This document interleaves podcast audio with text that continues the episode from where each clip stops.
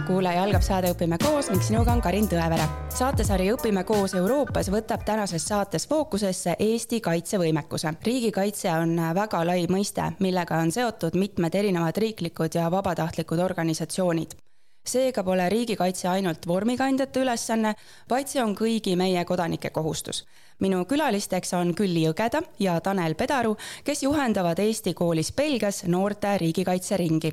tere Külli, tere Tanel! Tere, on meeldiv olla teie saates. tere! millised on võimalused ja organisatsioonid, läbi mille saavad inimesed vabatahtlikult panustada Eesti riigikaitsesse? ma võtan siit siis kohe otsa lahti Äh, tegelikult on neid võimalusi tõesti päris palju ja see sõltub natukene sellest äh, elukaarest, kus äh, inimene parasjagu on, kui ta on ütleme, kooliealine noor, siis on võimalused noortekotkaste ja kodutütarde näol. Kui ta on juba täiskasvanule eale lähenev või täiskasvanu, siis on selleks vabatahtlikuks vormiks Kaitseliit, Naiskodukaitse. Ja siis lisanduvad sellele võib-olla natukene ka sellised äh, spetsiifilisemad organisatsioonid, mis äh, sõltuvad võib-olla auastmest, on Eesti Reservohvitseride Kogu, äh, seal on ka allohvitseride sektsioon, et selles mõttes on neid võimalusi palju ja kui nüüd tulla läheda, lähemale tänasele tunni teemale, siis riigikaitseõpetus on see, mis võiks olla igaühe selline väike sissevaade Äh, sellesse, mida riigikaitse endast üldse kujutab. no neid võimalusi on päris palju ja riigikaitse teemani me tõesti läheme täna lähemalt ka. aga on selge, et viimased sündmused Ukrainas on tõstnud teema rambivalgusesse ja Eesti kodanike suhtumist riigikaitsesse ka kindlasti mõjutanud. milline pilt oli võib-olla enne, kui tekkis vahetu oht ja selge vastane? kui me vaatame tagasi umbes kümme aastat, siis äh, rääkides noortest, noored eelkõige tulid riigikaitseringi, tundi, noortekotkaste organisatsiooni äh, selleks, et äh, koos midagi teha, äh, leida ühiseid eesmärke metsas või, või looduses koos tegutseda, siis täna on nende siht lähtuvalt siis muutunud julgeolekuolukorrast väga palju muutunud. Neil on tekkinud konkreetsed suunad, nad tahavad teada, kuidas nad ise saavad panustada, millised on nende võimalused anda oma panus nii Eesti heaks kui ka abistada Ukrainat tänasel päeval et äh, vaadates tulevikku ja eeldades, et inimeste huvi jätkuvalt kasvab, kas äh, kõikidele panustajatele leitakse sobiv rakendus? elik kas ühel päeval saab meie riik riigikaitseliselt ka valmis? ma arvan, et see küsimus vastab iseenesele, et ei saa. selles mõttes, et ma tahaks küll uskuda, et kõigile, kes tahavad panustada, on sobiv rakendus olemas, see ei pea olema äh, püss kaenlas põõsa all see võib olla kuskil küberdimensioonis, see võib olla võib-olla tagalas, see võib olla riigikaitset propageerides, teadvustades, et igaühe jaoks on vastavalt tema võimetele, oskustele ja, ja panustamise ka ajale äh, selline rakendus äh, olemas. igaüks saab meist äh, panustada riigikaitsesse just sellisel viisil, et andes oma panus igapäevaelus, abistades oma kolleegi kontoris, abistades sõpra tänaval, olgu selleks siis väike, väike avarii, kus jalgratturil on vaja aidata ta püsti või olgu see abi kutsumine kiirabi näol. et see on oskus, et sa oled valmis igaks olukorraks mm. -hmm. meie kõige kallim vara on inimressurss, kuna me oleme väike riik ja rahvas ja seetõttu tegelikult me peamegi hoolitsema iga äh, meie ühiskonna liikme eest, et, et nad ei saaks surma hukka äh, mingite selliste situatsioonide läbi, kus oleks võimalik seda olnud äh, ära hoida või nad sealt päästa, et et seetõttu jah, Küllil on väga hea, hea mõte see et teadlikkus eelkõige. no nii, aga saame siis teiega ka lähemalt tuttavaks, et ähm, millistesse organisatsioonide riigikaitse mõttesse kuulute ja mis teid selleks inspireeris? riigikaitse valdkonnaga olen seotud olnud umbes viisteist aastat äh,, alustasin oma tööd Kaitseministeeriumis Äh, ja sealt edasi juba tulid riigikaitseõpetuse läbimine, äh, astumine Naiskodukaitsesse ja samm-sammult kõik edasi. mida rohkem sa oled selle teema sees, seda suurem huvi sul tekib ja tekib ka vastutus selle eest, et sa pead seda äh, valdkonda edasi andma. et mul on olnud väga head juhendajad ja õpetajad, kelle tarkusi ma tahaksin just edasi viia noortele. ja Tanel, sina? minu teekond on olnud peaaegu sama pikk see sai alguse aastast kaks tuhat seitse, kui ma läbisin Tallinna kahekümne esimeses koolis ise riigikaitseõpetust ja siitkohalt tahaksin ma tervitada oma toonast riigikaitseõpetajat, nüüd on ta vist juba major Andrei Lilleleht. ma saan aru, Külli, et meil on ühine kogemus temaga. Minu jaoks oli tema õppejuht Tallinna Tehnikaülikoolis, kus ma läbisin riigikaitseõpetuse õpetajate moodulit. Ja ta on olnud äärmiselt inspireeriv eeskuju anda oma teadmisi edasi noortele. jah, täiesti nõus, see on põhjus, miks mina üldse sattusin riigikaitsesse, et oleks olnud mul keegi teine õpetaja ja mul oli kusjuures, ma olin kunagi noortekotkaste tundides käisin ka, aga see oli põhikooli ajal õpetaja lihtsalt ühel hetkel kadus ära, keegi ei teadnudki, kuhu ta kadus ja sinna jäi justkui minu karjäär pooleli noore kotkana. aga jah, Andrei Lillelehe siis ähm, inspireeriva õpetuse mõjul otsustasin ma riigikaitses äh, jätkata äh, esmalt täites oma kodanikukohustust ajateenistuses, kohe peale kooli, toona äh, niinimetatud eliitkoolis käies tundus see kõigile täiesti röögatu, et äh, mis mõttes sa lähed kohe ajateenistusse ja vabatahtlikult ja veel kuhu, Võrru kuskile. pärast äh, ajateenistust ähm, ahah, tegelikult ma pean natuke veel tagasi kerima. juba riigikaitseõpetuse kursuse lõpus me liitusime kogu, peaaegu kogu kursusega vabatahtlikult Kaitseliiduga. Mm.. ja meie esimene laager, õppelaager oli Männikul ja see juhtumisi oli samal ajal, kui toimus aprillimäsu. ja meie olime seal siis Rootsi vanade vormidega ja Rootsi rahmetega, mida nimetati ka rinnahoidjateks, sest et need meenutasid natuke rinnahoidjaid. Ja olime päeval oma esimesed paugud paukmoona ja kalillidega ära teinud ja siis õhtul istusime telki, telkides ja meile öeldi, et ärge magama minge. et kui vaja, siis lähme Tallinna ja noh, meie olime sellised noored esimest korda laagrist ja. adrekas tõusis. adrenaliin üleval, magada ei saanud. et ja, ja siis, kui ähm, vist pärast laagrit äh, me läksime tagasi, mul oli veel riigieksam, kodanikuõpetuse riigieksam, kusjuures väga nagu kõik asjad sobisid hästi kokku, siis ma nägin äh, läbi linna tulles, mis oli Tallinnaga juhtunud mm. -hmm. ja see tegelikult natuke tuleb tagasi selle eelmise küsimuse, küsimuse juurde, et äh, meil on vaja riigikaitset ka selleks, et sellised sündmused ei korduks, et inimesed saaksid aru, kui kallis on meie riik ja, ja et me oleksime valmis juhul, kui mingi väike grupp äh, üritab seda äh, destabiliseerida. kui ma nüüd edasi mõtlen, siis pärast ajateenistust äh, ma jätkasin Kaitseliidus, ma läksin Tartu malevasse, ütlesin tere, siin ma olen. leidke mulle palun rakendus, minu eriala on selline. tuleb välja, tuli välja, et miinipildumise erialal Tartu malevas keegi polnud kunagi varem midagi teinud. mul oli siis suur rõõm ja au kokku panna esimene miinipilduja rühm ja ma tegin, juhtisin seda rühma vabatahtlikuna Kaitseliidus viis aastat. ehitasin ta siis nullist mehest üles ja jõudsin eh, ka edukalt üle anda järgmisele rühmapealikule eh, neljakümnepealise rühma. Ja ma jätkuvalt täna ka jälgin nende tegemisi ja toiminguid, neil on eh, tore Facebooki nii-öelda grupp et ma, mul on väga hea meel näha, kui hästi see rühm on äh, jätkuvalt äh, toimiv, see tuumik äh, paljuski on veel need vanad tegijad, kelle, kes mina omal ajal tõin.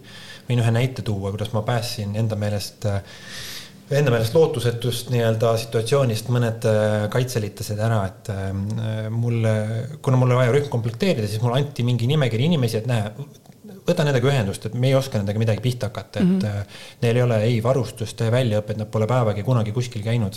aga tahe on?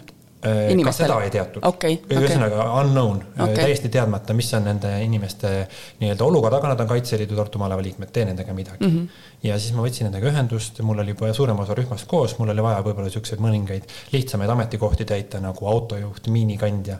noh, et kui sul on juhiload olemas ja oskad miini äh, torsu tõsta, et siis põhimõtteliselt kvalifitseerud ja, ja ma pean ütlema, et äh, täna on ühest sellest malevlasest autojuht miinikandjast saanud selle rühma vabatahtlik pealik, et mm. see on, see näitab, et kõik on võimalik, kui on, kui on tahet ja aega ja tahtmist ja kõike. tänaseks ma võib-olla enam ise ei ole väga aktiivne kaitseliitlane, ühelt poolt on elu mind toonud siia, siia Eestist kaugele. teiselt poolt võib-olla mulle tundub, et äkki selles osas ähm, ma olen juba oma panuse andnud ja tuleb ka järgmistel võimalus anda, et rühmapealikuna, tähendab ohvitserina pead, no sul on teatud ametikohad limiteeritud, et sa ei saa päris minna ükskõik mida tegema ja, ja olen otsustanud, et mina tahaksin oma eh, sellise suurima tähelepanu pöörata just noorte riigikaitse, riigikaitsealasele harimisele. samuti juba tööl olles äh, hakkasime otsima väljundit äh, selle, selle soovi siis nii-öelda rakendamiseks. ja ma käisin läbi Tallinna Ülikooli juures ja Kaitseministeeriumiga koostöös korraldatavale riigikaitseõpetajate kursusel pärast seda hakkasime aktiivselt otsima endale kooli, aga ei pidanudki väga kaugelt otsima, sest mu enda kahekümne esimene kool äh, vajas riigikaitseõpetajat. õpetasin seal paar aastat. Äh, seal olid väga suured kursused, äh, seitsekümmend inimest.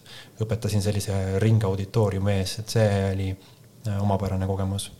aga nende, juba siis ma nägin, et nende motivatsioon ja tahe õppida on väga-väga suur, et teenistuse võib-olla isegi ma pidin natuke tagasi hoidma neid mm. -hmm ja siis ma mm, kolisin elama Tartusse ja seetõttu vahetasin kooli. Äh, pakkusin end välja äh, siis riigikaitse rügemendi kaudu, äh, ma pärast räägin sellest organisatsioonist mm -hmm. natuke lähemalt. Luunja keskkoolile, kus ei olnud mitu aastat juba riigikaitseõpetust üldse olnud, et see oli üks vähestest koolidest Eestis, kus seda võimalust ei olnud ja siis mulle tundus, et see võiks olla minu missioon, see valge laik kaardil ära täita mm -hmm. ja kooli direktor ise vabatahtliku äh, reservohvitseride kursuse läbinuna oli väga positiivselt meelestatud, sõlmisime kõik need vajalikud koostöömemorandumid ja õpe läks käima. ja see oli väike kool, suhteliselt väike kool ja noh Luunja ei ole küll päris nüüd maa, maapiirkond, pigem, pigem väga Tartu lähedane, aga kuid siiski see vahe Tallinna kahekümne esimese ja Luunja keskkooli vahel oli, oli ehm, minu jaoks märgatav. Eh, just selles mõttes, et kuidas see dünaamika on mm, -hmm. et eh, ja ma pean ütlema, et nendele õpilastele oli lihtsam selgitada, kuidas käib tule tegemine ja kustkohast saab vett, kui kraanist vett ei tule. et sellised küsimused olid neil, kuna nad natuke maalähedasemad, oli, oli lihtsam vastuseid saada ja kui ma kolisin äh, Brüsselisse, siis jälle juhus äh, tõi mind kokku äh, Külliga, kes vedas juba, juba enne minu liitumist Eesti koolis Belgias riigikaitseringi.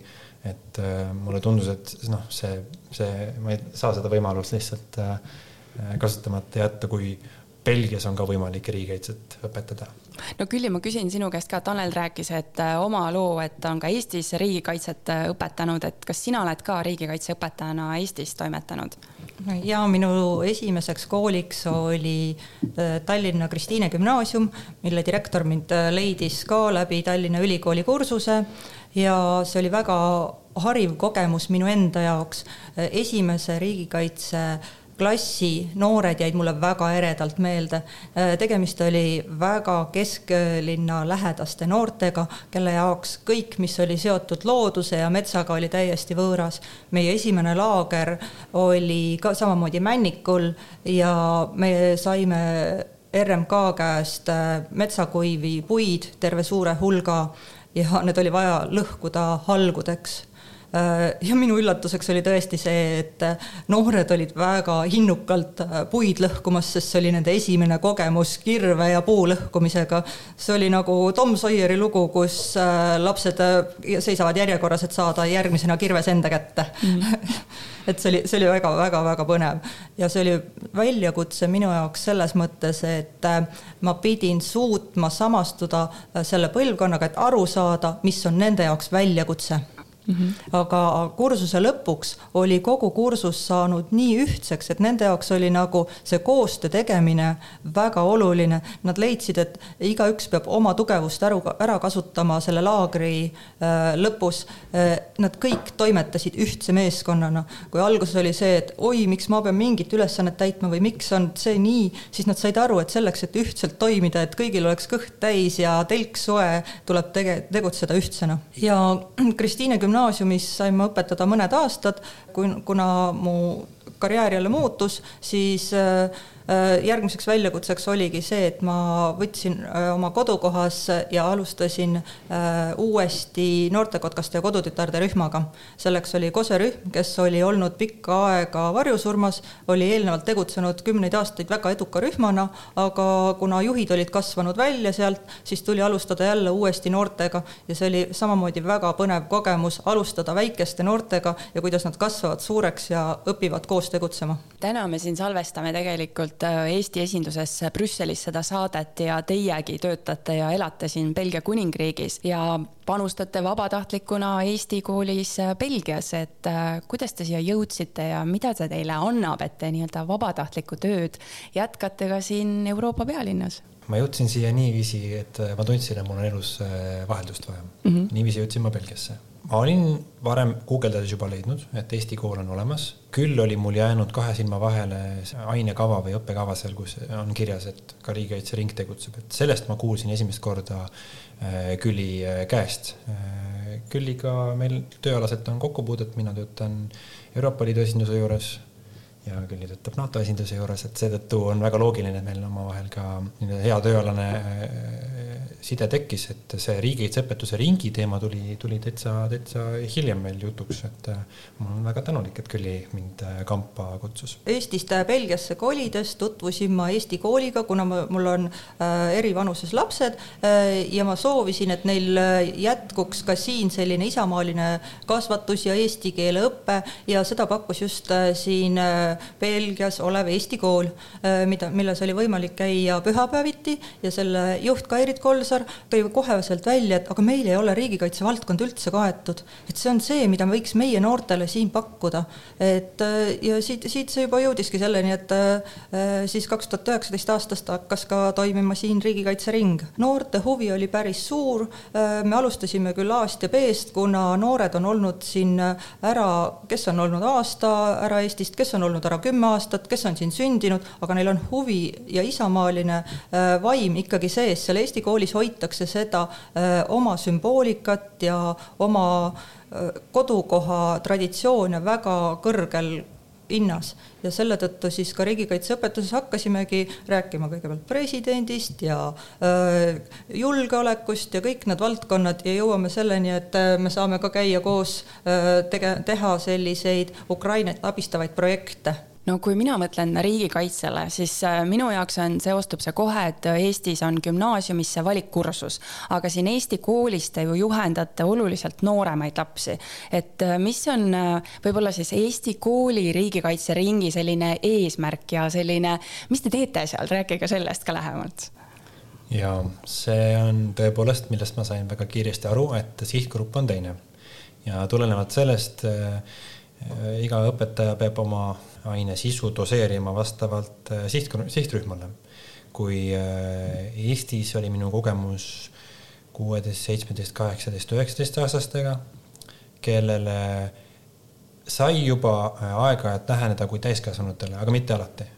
seal olid teatavad ikkagi nüansid ja sõltus ka natuke olukorrast, et aga igatahes oli võimalik võib-olla sellist ähm, noh, intellektuaalselt natuke keerulisemat sõna, sõnakasutust endale lubada siis äh, siin on vanusekäärid on väga suured, et kuna tegu on ikkagi põhimõtteliselt ringiga ja selles ringis äh, osalevad äh, noored, seal kõige noorem oli äkki kaheksa ja kõige vanem on neliteist, et et see on hoopis teine, see on hoopis teine sihtrühm ja seetõttu olen võtnud endale sihiks et peaasi, et fun on, et rääkida ja tutvustada neile seda, mis haakub riigikaitsega, ta ei pea isegi olema otseselt riigikaitse, noh näiteks viimane kord rääkisin siin neil matkamisest ja metsas ellu äh, jäämisest ja mida selleks on vaja ja kuidas seda planeerida ja kust leida neid abivahendeid äh, ja nii edasi ja nii edasi, et see haakub võib-olla riigikaitsega ainult niipidi, et äh, ka riigikaitses, eriti kui sa oled jalaväelane, on päris palju vaja noh, mitte küll matkata, aga rännata.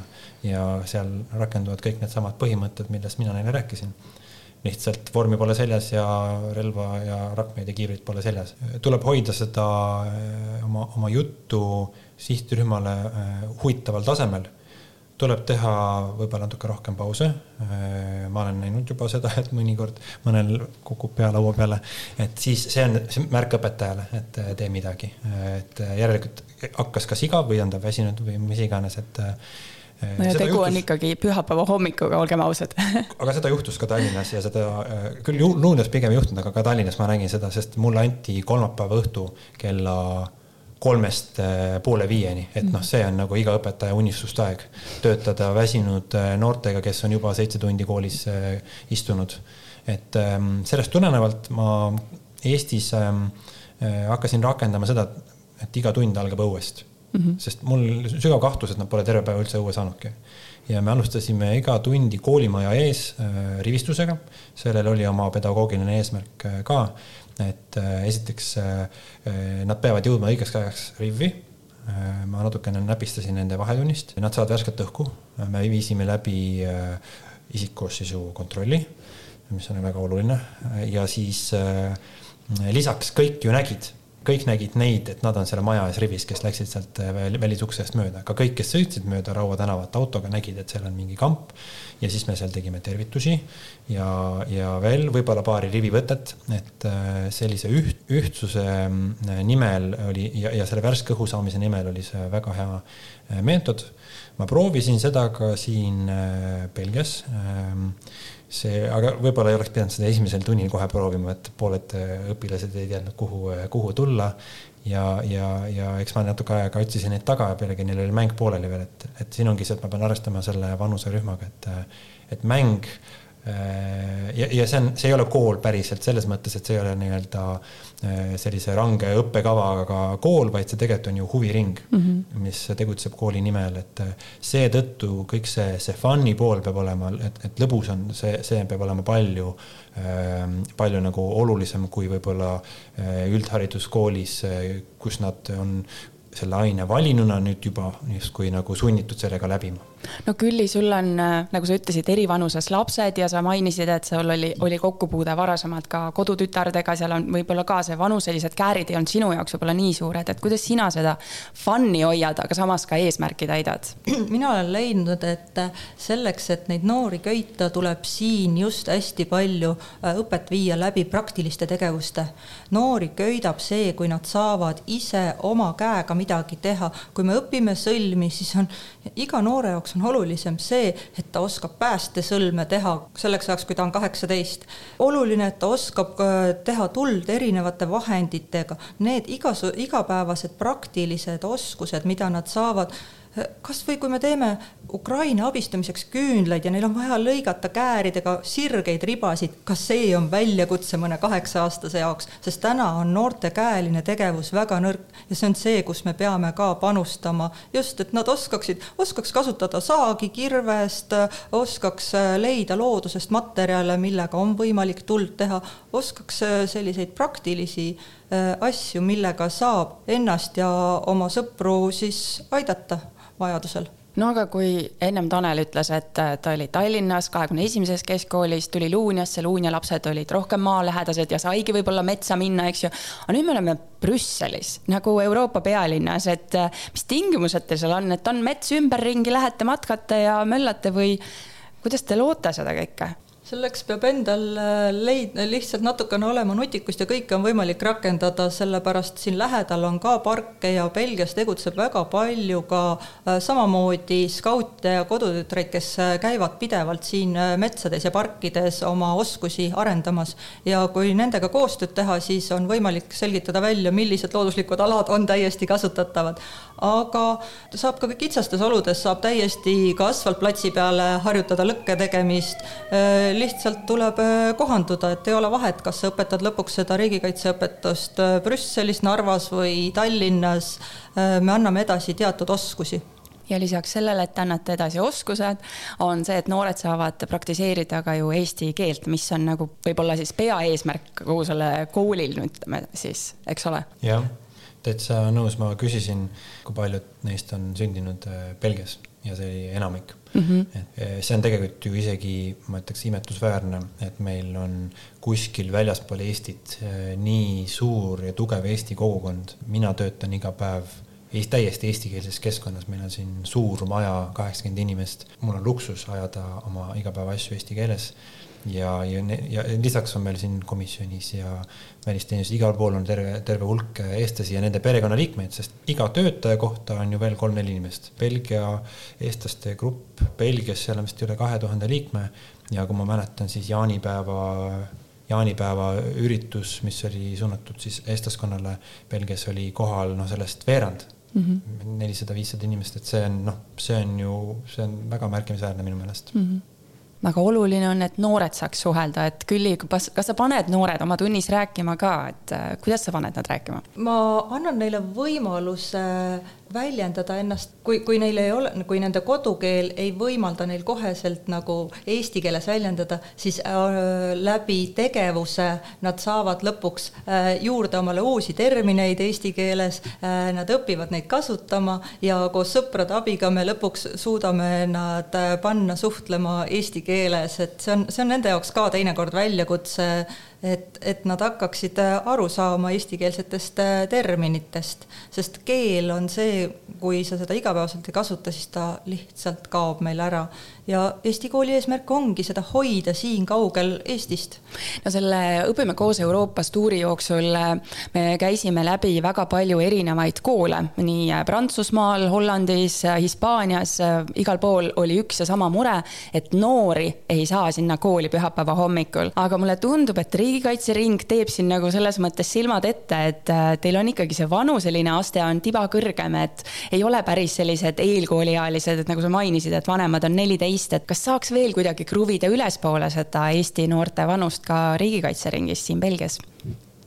ma pigem ei usu seda, pigem ma arvan, et me oleme oma eesmärgi täitnud, kui see noor äh, selles vanuses, kolmteist, neliteist, on oma peas otsustanud, et ta tahab minna Eesti sõjateenistusse, siis minu jaoks on see tšekk, et äh, järelikult me oleme midagi siin õigesti teinud, et äh, riigikaitsering äh, erinevalt teistest ringidest on äh, tasuta ja, ja ma väga loodan, et me saame nii jätkata, et ta ka jääb tasuta. see on selles mõttes on, on ka hea, hea võimalus lapsevanematel paariks tunniks oma võsukesed kellegi hoolde jätta ja tegeleda kiiremat lahendamist vajavate küsimustega aga kes seda finantseerib, ma olen kindel, et Eesti koolid äh, mujal Euroopas kuulavad ka ja kikitavad kõrva, et ahah, riigikaitsering meelitab rohkem noori, et kust saate rahastuse? meid on toetanud äh, nii Kaitseministeerium oma poolt kui ka väga suur tänu Harju malevale, kus ma olen ise liikmeks, kes on oma jõu ja nõuga meile abiks tulnud ning vahendeid äh, eraldanud ma olen tegelikult ka Kaitseministeeriumis äh, selle seltskonna ühendust võtnud, kes riigikaitseõpetusega tegeleb ja on võimalik äh, esitada toetuse taotlus äh, ka väljaspool Eestit tegutsevale siis koolile, huviringile, et see küll on pisut teistsugune kui Eestis tegutsevad koolid, et see ei ole selline terveks õppeaastaks mõeldud taotlus, vaid pigem konkreetse kulu katteks, aga see on täiesti võimalik ja, ja mul on plaanis sügiseks mõneks õppekäiguks näiteks noh, meil on siin ju äh, lahingumuuseum, et noh, see on ideaalne võimalus, et põhimõtteliselt on vaja ainult pileteid, bussi ja võib-olla kohapeal, kohapeal giidi. et see ei ole nüüd äh, väga suur kulu, aga ma usun, et äh, õpilastele on see põnev vaheldus ja, ja midagi teistsugust me siin mainisime ka juba, et te olete Eestis riigikaitset õpetanud ja juhendate siin seda ringi, et äh, jõuamegi selle riigikaitseni, mis äh, Eestis toimib pigem, et, et ähm, kaks tuhat kilomeetrit eemal Eestis, et äh, mis on seal riigikaitse eesmärk ja, ja kuidas see toimib? ma arvan, Eestis on see hästi lihtne.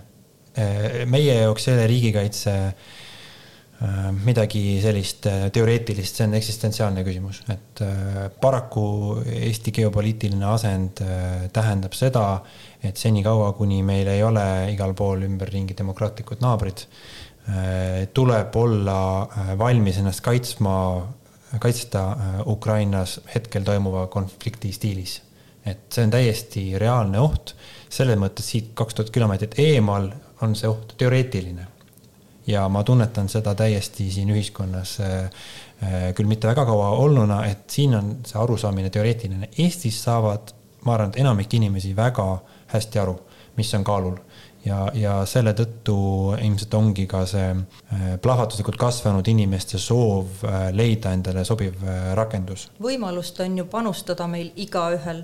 Ähm, lihtsalt iga inimene peab enda peas välja mõtlema, mis on see viis, kuidas ta soovib panustada, sest on ju Kaitseliit Naiskodukaitse, noortejuhid, läbi erinevate tegevuste on võimalik väga-väga erineval viisil, nii nagu ka Tanel eelnevalt välja tõi, see ei pea olema püss seljas metsas seiklemine, see võib olla valmisolek äh, viia läbi evakuatsiooniõppust, äh, olla valmis äh, kuskil koolimajas majutama kas mõne üleujutuse või mõne looduskatastroofi puhul kas või meie kaaskodanikke. see on see va igapäevane valmisolek, oskus valmis olla ükskõik milliseks kriisiolukorraks. selleks on ka Naiskodukaitse välja töötanud äppi Ole valmis, mis on kõige lihtsam viis alustada et äh, soovitan kõigil endale see tõmmata ja sellega tutvuda.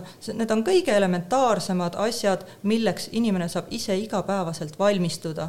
olla tore ühiskonnaliige ja anda oma panus igapäevaselt. no tavakoolile heidetakse ette, et ollakse elust ikkagi väga kaugel, et äh, millised oskused ja siis isiksuse omadused võib-olla noored saavad riigikaitsetunnist, et ennem siin Külli mainis, et äh, laagrites hoitakse kirvest käes ja nii edasi, aga noh, kõik, kõik tunnid ei saa ju olla looduses et ollakse ka klassis, et kindlasti on mingid oskused, teadmised, mis on võib-olla sellised elulised, mida riigikaitsetund annab? tulenevalt sellest, et ma olen läbi käinud äh, riigikaitseõpetuse kursuse Tallinna Ülikoolis, kus oli väga tugev rõhk sellele pedagoogilisele poolele ja ma sain ise ka päris palju äh, näpunäiteid, soovitusi, mõtteid, ideid, kuidas tund äh, läbi viia ja, ja üldse planeerida.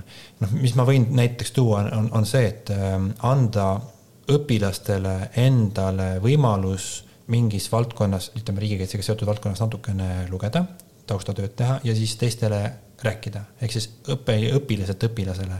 et see meetod on, on praegu väga-väga kõrges hinnas. teemad, mis ma hindasin, et õpilased saavad äh, edukalt selle omandamise ja selgitamisega ise hakkama, jagasin äh, õpilased gruppidesse, vist lahingpaaridesse, anti valida et äh, nimekiri on siin, valige teema ja te peate sellest tegema siin kümneminutise ettekande, nii et mõlemad räägivad võrdselt ja on slaidid ja pärast tuleb välja tuua siis kasutatud materjalid. Need olid need kriteeriumid ja see läks selles mõttes väga hästi, et nad said ise valida endale südamelähedasema teema. noh, see esitus oli kindlasti õpilaste jaoks põnevam, kui mina oleksin need teemad ära rääkinud ja selleks, et tagada selline noh, teatav äh, ühtne tase ja võib-olla ka see, et, äh, et midagi olulist rääkimata jäänud, siis äh, kui nad tegid oma ettekande ära, olid väiksed küsimused-vastused ja siis ma lisasin juurde selle, mis ma leidsin, et on hästi oluline, juhul kui nad jäi kuidagi mainimata.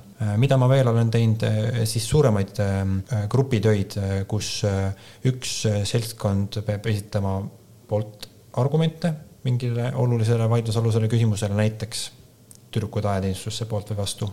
teine grupp peab esitama vastuargumente ja kolmas grupp siis hindab mõlema poole argumente, toob välja, ütleme siis argumentide nõrkused või tugevused ja otsustab siis, kumb äh, pool äh, jäi peale.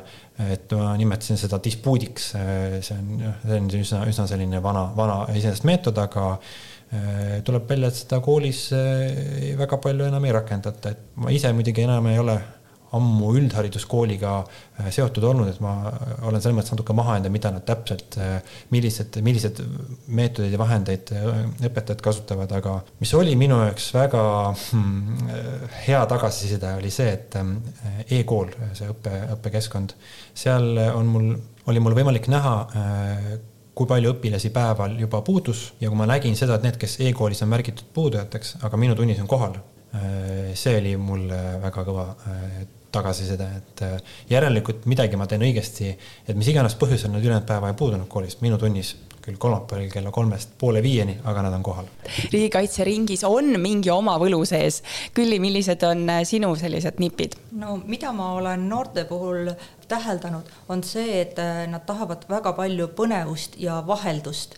Siis ongi, et äh, Eestis ma sain hästi palju rakendada seda, et ma kutsusin neile ka lisaks külalisesinejaid, kes äh, esindasid konkreetset siis, kas oli, tuligi keegi õhuväest, rääkis neile lennuvahenditest või tuli keegi maaväelane ja rääkis erinevatest taktikatest, mida peetakse sõjapidamises, või tuli täiesti keegi Keskkonnaametist ja rääkis kõige tavalisest prügi sorteerimisest ja sellest, sellest, kuidas hoida oma keskkonda, kuidas hoida Eestimaad. et väga palju tähelepanu köitis just külalisesinejate kooli toomine Mm -hmm. samuti inspireeris neid see, kui neil oli võimalus kuskile väeossa minna.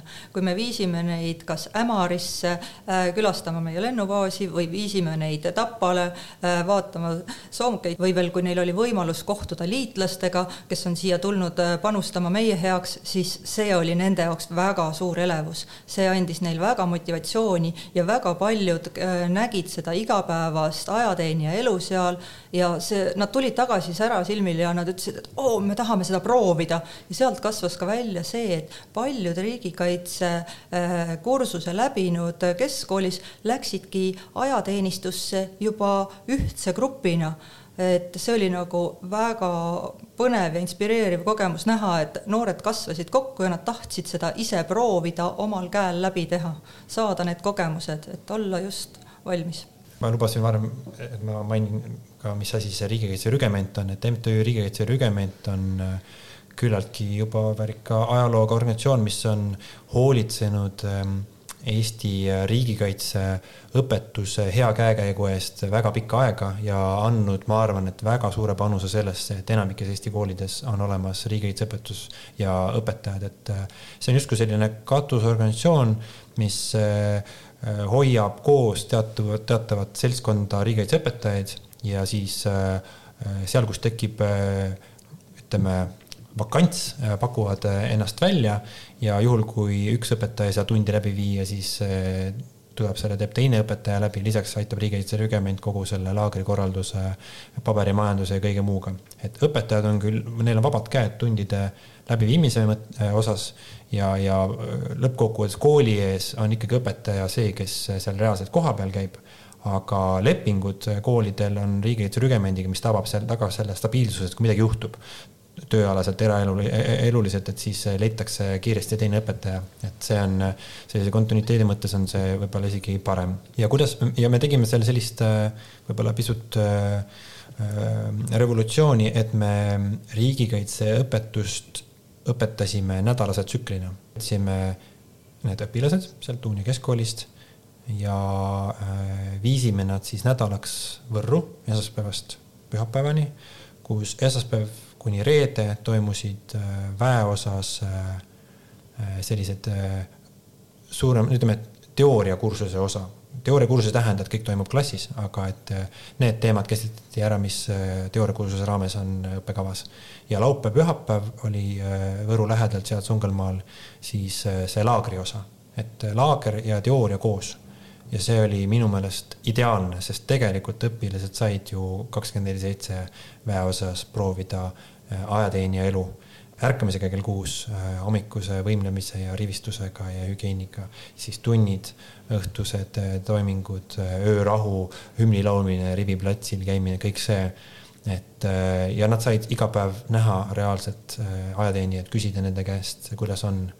jällegi minu kui õpetaja jaoks suurim positiivne tagasiside see, kui mõni õpilane tuli teisel aastal uuesti mm. -hmm. et äh, see on ju vabatahtlik aine, et ta käis esimesel aastal ja ta tahtis kangesti tulla uuesti ja noh, kui väike kool kohti on, miks mitte. ja tegelikult umbes samal ajal algas ka Kaitseministeeriumis projekt klassiga ajateenistusse ja mina olen nüüd ajateenistusse saatnud, siis äh, olen mitu lendu neid äh, jah, juba ajateenistusse saatnud ja praegugi on äh, Luunja äh, keskkooli siis äh, klassipoisid koos ajateenistuses ja viimase info kohaselt läheb neil seal väga hästi no väga ägedad projektid, et ma saan aru, see riigikaitse rügement, seal on kodulehekülg on olemas ja kõik, kes tunnevad huvi, huvi saavad siis äh, otsida üles ja klassiga ajateenistus, see kõlab ka nagu hea, et nagu oma punt, kellega siis võtta järgmine eesmärk, et. sul on keegi, äh, keda sa tunned kümme pluss aastat ja kui mm -hmm. sul on rasked hetked ja neid ajateenistusi üldse elus igal pool tuleb ikka mm -hmm. alati ette.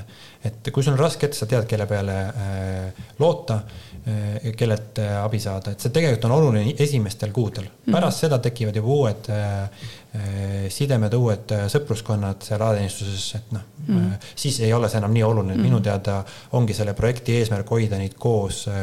see noore aeg noor, siis? noorsõduri ajal jah, et edasi tuleb juba erialane jagunemine ja, ja siis ei ole see tegelikult enam nii tähtis.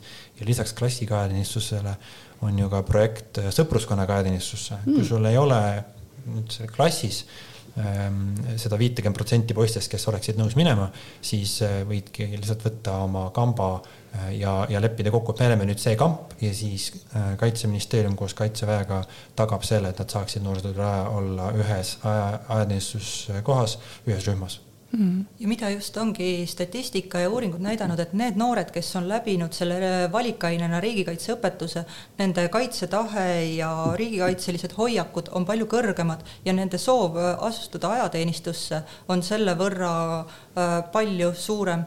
ja ka lõpetamise eduka lõpetamise tõenäosus on, on suurem nende seas, kes on läbinud eelnevat riigikaitseõpetuse Mm -hmm. see tuleneb ilmselt, see kõik on seotud ju motivatsiooniga, kui su motivatsioon oli enne madal ja sa ei teadnud eriti mitte seda, mis sind ees ootab, siis võivad tulla mingid rasked momendid ja siis tekivad ka loobumise mõtted.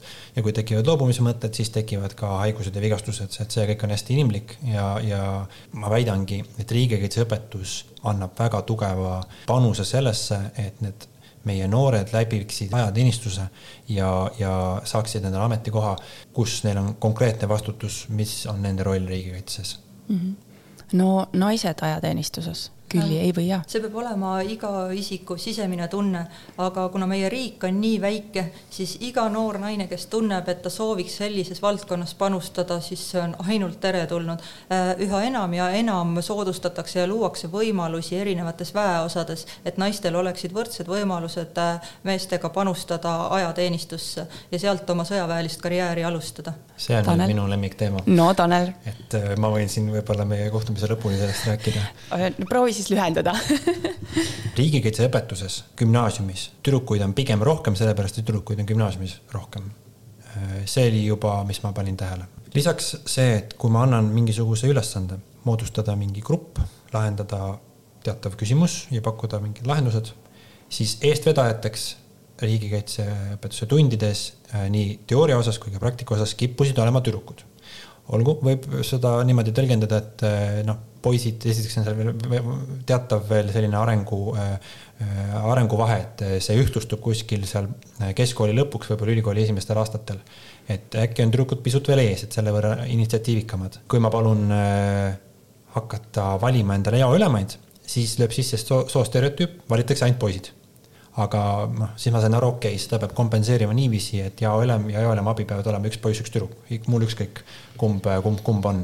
Ehk siis formaalselt juhiks valiti poiss, äh, mitteformaalselt tüdruk ja mis te arvate, kes asjuaimakas? no ikka mitteformaalne. just ja, ja sellest tulenevalt äh, nendes dispuutides, kus ma lasin äh, neil rühmades siis arutleda, tüdrukud ajateenistusse poolt ja vastu ja need argumendid ja mõlemas, ütleme mõlema poole peal pidi olema poisse-tüdrukuid ühepalju. tegelikult noored jõudsid ise ka sellele järeldusele, et ega häid argumente ei ole. miks ei peaks naised osalema riigikaitses ja veel konkreetsemalt äh, minema ajateenistusse, et need argumendid lõpuks taandusid pigem emotsionaalseteks, mis, mis mõnikord läksidki need dispuudid väga emotsionaalseks ära, et kui käis läbi selline lause, et noh, naised, et ei saa ju sellepärast ajateenistusse minna, et te olete emotsionaalsed ja siis te otsustate emotsioonide põhjal ja lõpuks on teil veel päevad ka et eh, noh, siis selle peale juba ma pidin nii-öelda natuke hakkama seal tooni maha võtma, et tüdrukutel läksid juba noh, ütleme ja karvad turri mm. -hmm. Tegelikult ehm, ma ei näe erinevusi. ma arvan, et on nii mõnigi tüdruk, kes on füüsiliselt tugevam kui osad poisid. ma ei näe ühtegi eriala, kus eh, tüdrukud ei saaks sama hästi või, või, või isegi paremini hakkama kui poisid. et see on pigem seotud meie ühiskonna endiselt soostereotüüpidega, see on näha palgalõhes ja kõiges muus. me peame hakkama kuskilt poolt seda äh, lahendama. kui seda ei ole võimalik teha vana, vanema generatsiooniga, siis tuleb seda teha noorema generatsiooniga. ja kui me tuleme selle juurde, et iga inimene meie väikses ühiskonnas on, äh, on arvel ja tal peab olema mingi roll riigikaitses, siis me ei saa ignoreerida viitekümmet protsenti meie elanikkonnast. et mille poolest on Eesti tütarlapsed kuidagi kehvemad, nõrgemad halvemad, kui on äh, Iisraeli, Norra, ka Rootsis on see võimalus. et ähm, ma lihtsalt ei näe seda, et me ei saa seda ressurssi jätta kasutamata, aga ma tean ka seda, et Kaitsevägi ei ole hetkel valmis minu viimase info kohaselt võtma vastu kõiki, kõiki neid tüdrukuid, kes tuleksid kohustusliku ajateenistusega, kui me räägime sellest, et äh, hetkel ollakse valmis võtma vastu äh, vabatahtlikult tulijaid ja kuna seal on tütarlastel erinevalt poistest võimalus ka loobuda üheksakümne päeva jooksul, kui poistel oleks võimalus loobuda, seal oleks ka see loobujate hulk võib-olla suurem, kindlasti. no selles mõttes, et suurem kui need, kes praegu vabastatakse tervislikel põhjustel. Et see ei ole võib-olla aus, kui öelda, et näete, et tulevad tüdrukud ja pooled lähevad ära.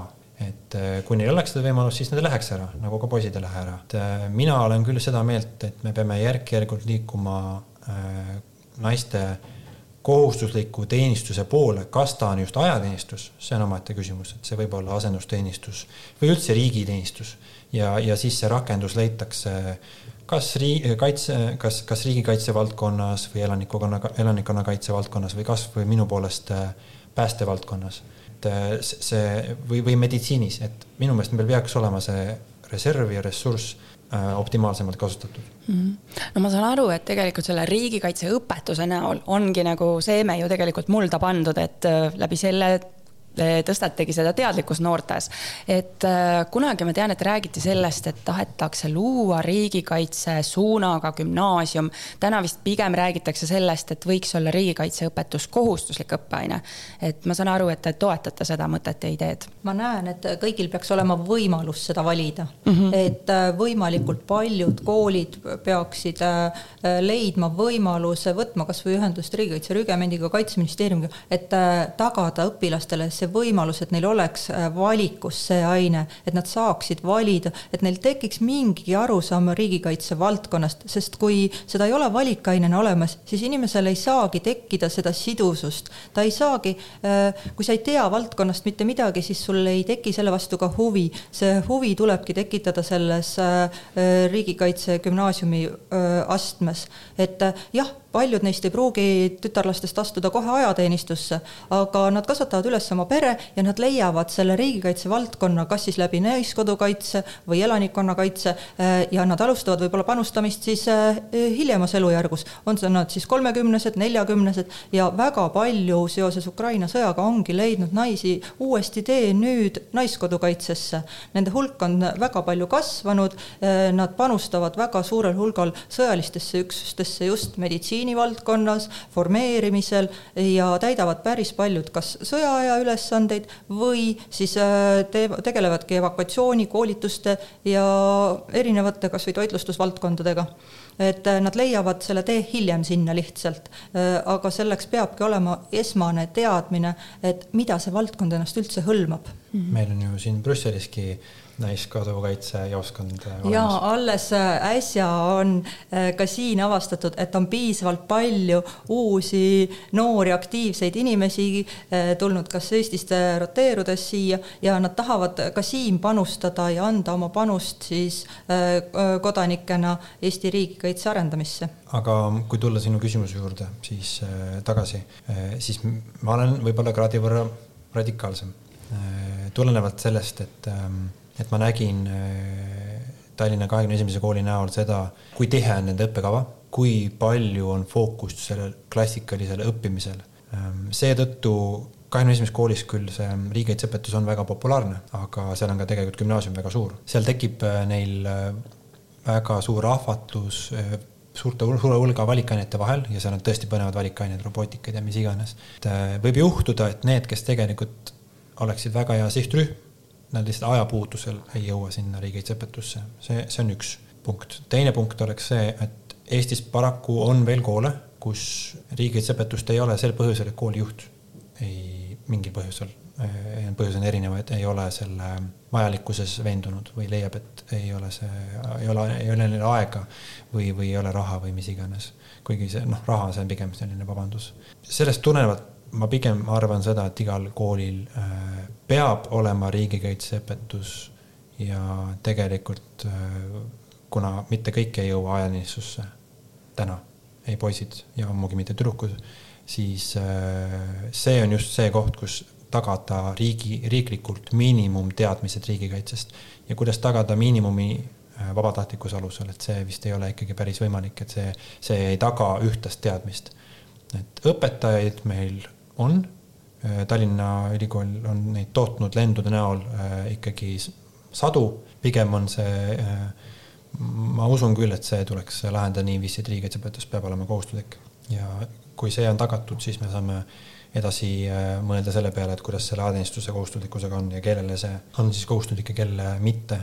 et millegipärast nii, et tüdrukud olid küll initsiatiivikamad, aga me jõudsime lõpuks Kaluunias sinnamaali, et nii nüüd on vaja hakata neid avaldusi tegema, et klassiga ajateenistusse.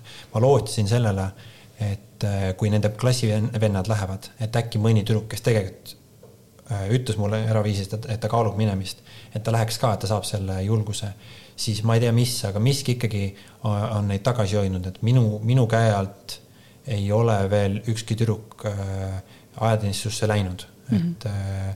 Et ma ei tea täpselt, mis, mis, mis asi see on, mis neid tagasi hoiab, et äh, kas on see, et peaks minema ülikooli, hakkama õppima, täiskasvanu eluks valmistuma äh, või on need jätkuvalt need soostereotüübid või vanemate arvamus kodus, ähm, et võib-olla ongi niiviisi, et me muud moodi seda jääd ei, ei äh, lõhu kui, kui sellise riikliku suunisega. Ja selleks on Kaitseministeeriumis Äh, loodud uus osakond, milleks ongi kaitsetahte arendamise osakond, kes võtabki kätte ja hakkab tegelema suuremal hulgal äh, ka koolijuhtidega, et äh, tõsta just nende teadlikkust ja vajalikkust sellest riigikaitseõpetusest selleks, et ühiskonna terviklikkust tagada ja see ühtne riigikaitse tase kõigile võimaldada. no vahepeal tekkis mul siin veel mõte, et te olete õpetanud riigikaitset ja praegu te juhendate riigikaitseringi, et kas see riigikaitse õpetus võiks tuua ka allapoole, võib-olla põhikooli, võib-olla seal on ta mingi valikaine, koolid proovivad luua selliseid erinevaid asju ja huviringe, et äkki see aitaks natuke kaasa. või teine punkt, jällegi koolis otsitakse hästi palju selliseid lõiminguprojekte, et erinevate ainete õpetajad teevad koostööd, et kas te näete, milliste õppeainetega annaks lõimida ja teha koostööd, et isegi kui see ei ole, et noh, täies mahus, aga kasvõi mingite projektide raames tulla appi koolidele. mul on teadmine, et täna on osades Harjumaa koolides sisse viidud äh, noortekotkaste äh, rühmatunnid täiesti õppekavva, et nad mm. saavad juba alustada põhimõtteliselt koos oma kooliteega, kas ta siis on äh, tunniplaani sees või tunniplaani lõpus täiesti selline valikaine, hakkabki noortekotkaste tund või kodutütarde tund ja, ja seal nad juba alustavad põhimõtteliselt kaheksandast eluaastast, hakkavad täitma oma järgukatseid, saavad valida omale erialasid, kes tahab tahab rohkem tegeleda võib-olla fotograafiaga riigikaitse valdkonnas, sest ükskõik milliseid sündmusi või asju teha, siis need noored saavad ise valida, kes neist hakkabki rohkem võib-olla tegelema toitlustusvaldkonnaga, nad saavad kõiki selliseid äh, erialaseid asju seal noorest peast alustada koheselt. Et see hakkabki ja ta on väga lõimunud just näiteks meil loodusõpetus, matemaatika, äh, kõikide selliste asjadega, et äh, see on lihtsalt õpetajate endi oskus neid aineid omavahel siduda ma olen Külliga selles mõttes äh, nõus, et ähm, äh, riigikaitseõpetuse praegune õppekava äh, sisaldab piisavalt ähm, palju selliseid võib-olla abstraktsemaid termineid nagu riigikaitse ülesehitus ja struktuur ja ülesanded erinevate institutsioonide vahel. et ma kardan, et seda sellisel moel ei ole võimalik põhikoolis õpetada, põhikoolis pigem peab olema rõhk praktilisel ja sellisel lihtsustatud mm, vormil, millega tõesti noored kotkad, kodutütred saavad suurepäraselt hakkama, pigem tuua neid piirkonna rühmi koolidele lähemale. võib-olla oleks ka minust siis noorkotkast saanud, kui see õpetaja poleks ära kadunud, et pigem ma jätaksin riigikaitseõpetuse gümnaasiumisse ja, ja tegelikult mulle meenus, et riigikaitseõpetuse suunaga gümnaasiumeid on küll Äh, Jakob Westholmis on selline riigikaitsesuund ja äkki oli Kiili, Kiili äh, gümnaasiumis ka mm. -hmm no aga kes siis ikkagi vastutab selle kodanike riigikaitse tahte eest, et äh, on see riik, on see pere, on see kool, ja kuidas seda kaitsetahet siis tõsta, et kui ma vaatasin e-, Eesti Televisioonis oli UV Faktor, siis seal jõuti selleni, et äh, kaitsetahet saab tõsta läbi eeskujude. siit, siit nii-öelda arendused. no eks see kaitsetahe peab saama ikkagi alguse kõik meie keskkonnast, kus me oleme, see on meie pere, see on meie sõbrad, see on meie kogukond ja sealt ta kasvab riigi tasandile välja, et kui noorel on sõber, kes käib noortekotkaste või kodutütarde rühmas, tahes-tahtmata see sõber võtab oma sõbra kaasa, see kõik kasvab välja, siis, siis kaasatakse neid vanemaid sinna, tehakse ju ka täiesti noortekotkaste ja kodutütarde ürituste raames kursuseid lapsevanematele ja sealt kasvab see kaitsetahe välja kogu ühiskonnale et äh, mina arvan, et see saab alguse indiviidist ja ta lõpeb kogu ühiskonna kaasatusega. ja ma olen Külliga nõus, et see üldine foon kindlasti on oluline. ma arvan, et Eesti riigis on see üldine foon äh, väga hetkel soosiv. Äh, kindlasti kodune kasvatus, vanemate hoiakud aga mitte tingimata, sest äh, ma olen ka näinud õpilasi, kus võib-olla kodune hoiak ei ole väga soosiv, aga õpilane ise, kas siis äh, koolikeskkonna sõprade mõjutusel on, on äh, riigikaitsesse positiivselt suhtuv, et see mitte tingimata, aga kindlasti aitab kaasa, kui, kui vanemate hoiakud on, on, on siis nii-öelda samas suunas. Noorte puhul on kindlasti väga määravaks sõbrad kui sõbrad käivad kuskil, teevad midagi koos, siis see noor tahab kuuluda kuskile ja see kokkukuulumine ongi see, mis toob nad kokku ja kui see on seotud riigikaitse valdkonnaga, siis on see ainult tervitatav, et nad, et teevad midagi sihipärast ja mõtestatud, kui see, et nad hängivad kuskil kaubanduskeskuses lihtsalt ringi. nutiajastul on isegi kummaline, kui kõige paremini leviv informatsioon on ikkagi see suust suhu äh, leviv informatsioon, et kui keegi kuskil räägib, et oh, ma käisin seal riigikaitse laagris, issand, kui äge oli. saime telgis ööbida ja öö, meil oli ööhäire ja siis me orienteerusime ja me saime täpsust lasta ja äh, olime väeosas, siis need on kõik sellised märksõnad, et äh, põhimõtteliselt kõik, kes seda juttu ümberringi kuulevad, äh, tahaksid ka seda kogemust no nii, Külli ja Tanel, oleme jõudnud siuksele lõpusirgele, et äh, kui meid kuulas nüüd mõni inimene, kellel tekkis huvi ja soov täita oma kodanikukohustust ja panustada Eesti riigikaitsesse, millised oleksid esimesed kanalid, kuhu soovitaksite pöörduda? punkt üks, mina soovitan sisse logida kaitseväeteenistus.ee ja vaadata, mis on sinu staatus. kui äh, sealt ei selgu, mis sinu staatus on, siis äh, võib ühendust võtta Äh, Kaitseressursside Ametiga ja küsida, et miks mul mingit staatust ei ole, kui me räägime antud juhul poisslapsest. Äh, sest need, need peaksid kõik olema ju arvel. võib juhtuda, et ta on kunagi tervislikel põhjustel vabastatud kaitseväe äh, kohustusest. sellisel juhul, kui jätkuvalt on tahe olemas, siis ma soovitan ühendust võtta oma piirkonna Kaitseliidu maleva või täpsemalt malevakonnaga. kaitseliidu tervisenõuded on hulga leebemad kui kaitseväes ajateenistuses viimati kui ma sellega tegelesin, siis kriteeriumid olid kaks kätt, kaks jalga ja pea. kui need on olemas, siis äh, saab tervisenõuetest äh, läbi ja need üksikud äh, puudused, on need siis lampjalad või astma või, või mis iganes, mis kunagi sai takistuseks, need ei saa probleemiks, kui on olemas tahe. kui see tegu on gümnaasiumi noorega, siis ma soovitan vaadata oma kooli kodulehelt, kas koolis on olemas riigikaitseõpetus. kui on, registreerida ennast sellele kursusele ja võimalus avaneb. kui ei ole, soovitan küsida oma õppeala direkt-, õppeala juhilt või direktorilt, eh, miks ei ole, miks ei ole meie koolis riigikaitseõpetust. ja, ja võib-olla sellisel juhul, kui neid küsijaid on piisavalt palju, ka see riigikaitseõpetus sinna tekib. ja kui tegu on eh, põhikooli noorega või, või, või isegi eh, nooremaga, siis küsida oma vanemate käest, kuidas saaks liituda kohaliku noortekotkaste või kodutütarde rühmaga. et ma usun, et sellisel moel me oleme vist suurema osa elukaarest äh, äh, nii-öelda ära katnud no Külli, sa ennem mainisid, et siin Belgias on ka grupp selliseid aktiivseid naisi, et äh, kas välismaal olevad eestlased saavad ka kuidagi midagi teha? Ja loomulikult saavad ka, e, ei olene ju sellest, kus sa parasjagu asud. Äh, naiskodukaitse pakub väga palju erinevaid e-mooduleid ja võimalusi õppida olune, olenemata sellest, äh, kus on su asukohariik. esimeseks siis rühmaks, mis väljaspool Eestit loodigi, saigi see Belgia naiskodukaitserühm, kes tegutseb Too-, Toompea malevkonna all, et see on väga tänuväärne äh, võimalus, et naised saavad siin ka kokku, tegelevad riigikaitse valdkonnaga, nad võtavad e-mooduleid äh, internetist ja võimalusel, kui nad käivad Eestis, siis saavad osaleda ka praktilistel väljaõpetel Eestis kohapeal erinevates malevkondades. kas lõpusõnad ka? minu lõpusõna oleks see, et kohe-kohe on äh, ukse ees aprill, see on veteranikuu, algab Sinilille kampaania ja ma ei tea, siis Sinilille rännakul näeme. Teile ka veel lõpusõnad. Külli, Tanel aitäh kutsumast, oli väga mm, tore vestelda minu südamelähedastel teemadel, et äh, hea meelega äh, jagan oma teadmisi, kogemusi äh, kõigiga, kes tahavad kuulata. aitäh kutsumast ja tahaksin kutsuda kõiki üles, et mõelge oma südames, kus on see koht, kus teie saaksite panustada selleks, et meie riik oleks paremini kaitstud. no suurepärane, aitäh teile mõlemad ja järgmise korrani, kuulmiseni. Kuulmiseni. Kuulmiseni kui sinagi said koos meiega täna uusi mõtteid ja inspiratsiooni, siis anna taskuhäälingule hoogu juurde, likei, jaga ja kommenteeri meie postitusi sotsiaalmeediakanalites. kui soovid taskuhäälingut Õpime koos toetada, siis täname sind annetuse eest MTÜ Tartu Loomemaja arveldusarve kontole. kõik vajalikud lingid leiab saate kirjeldusest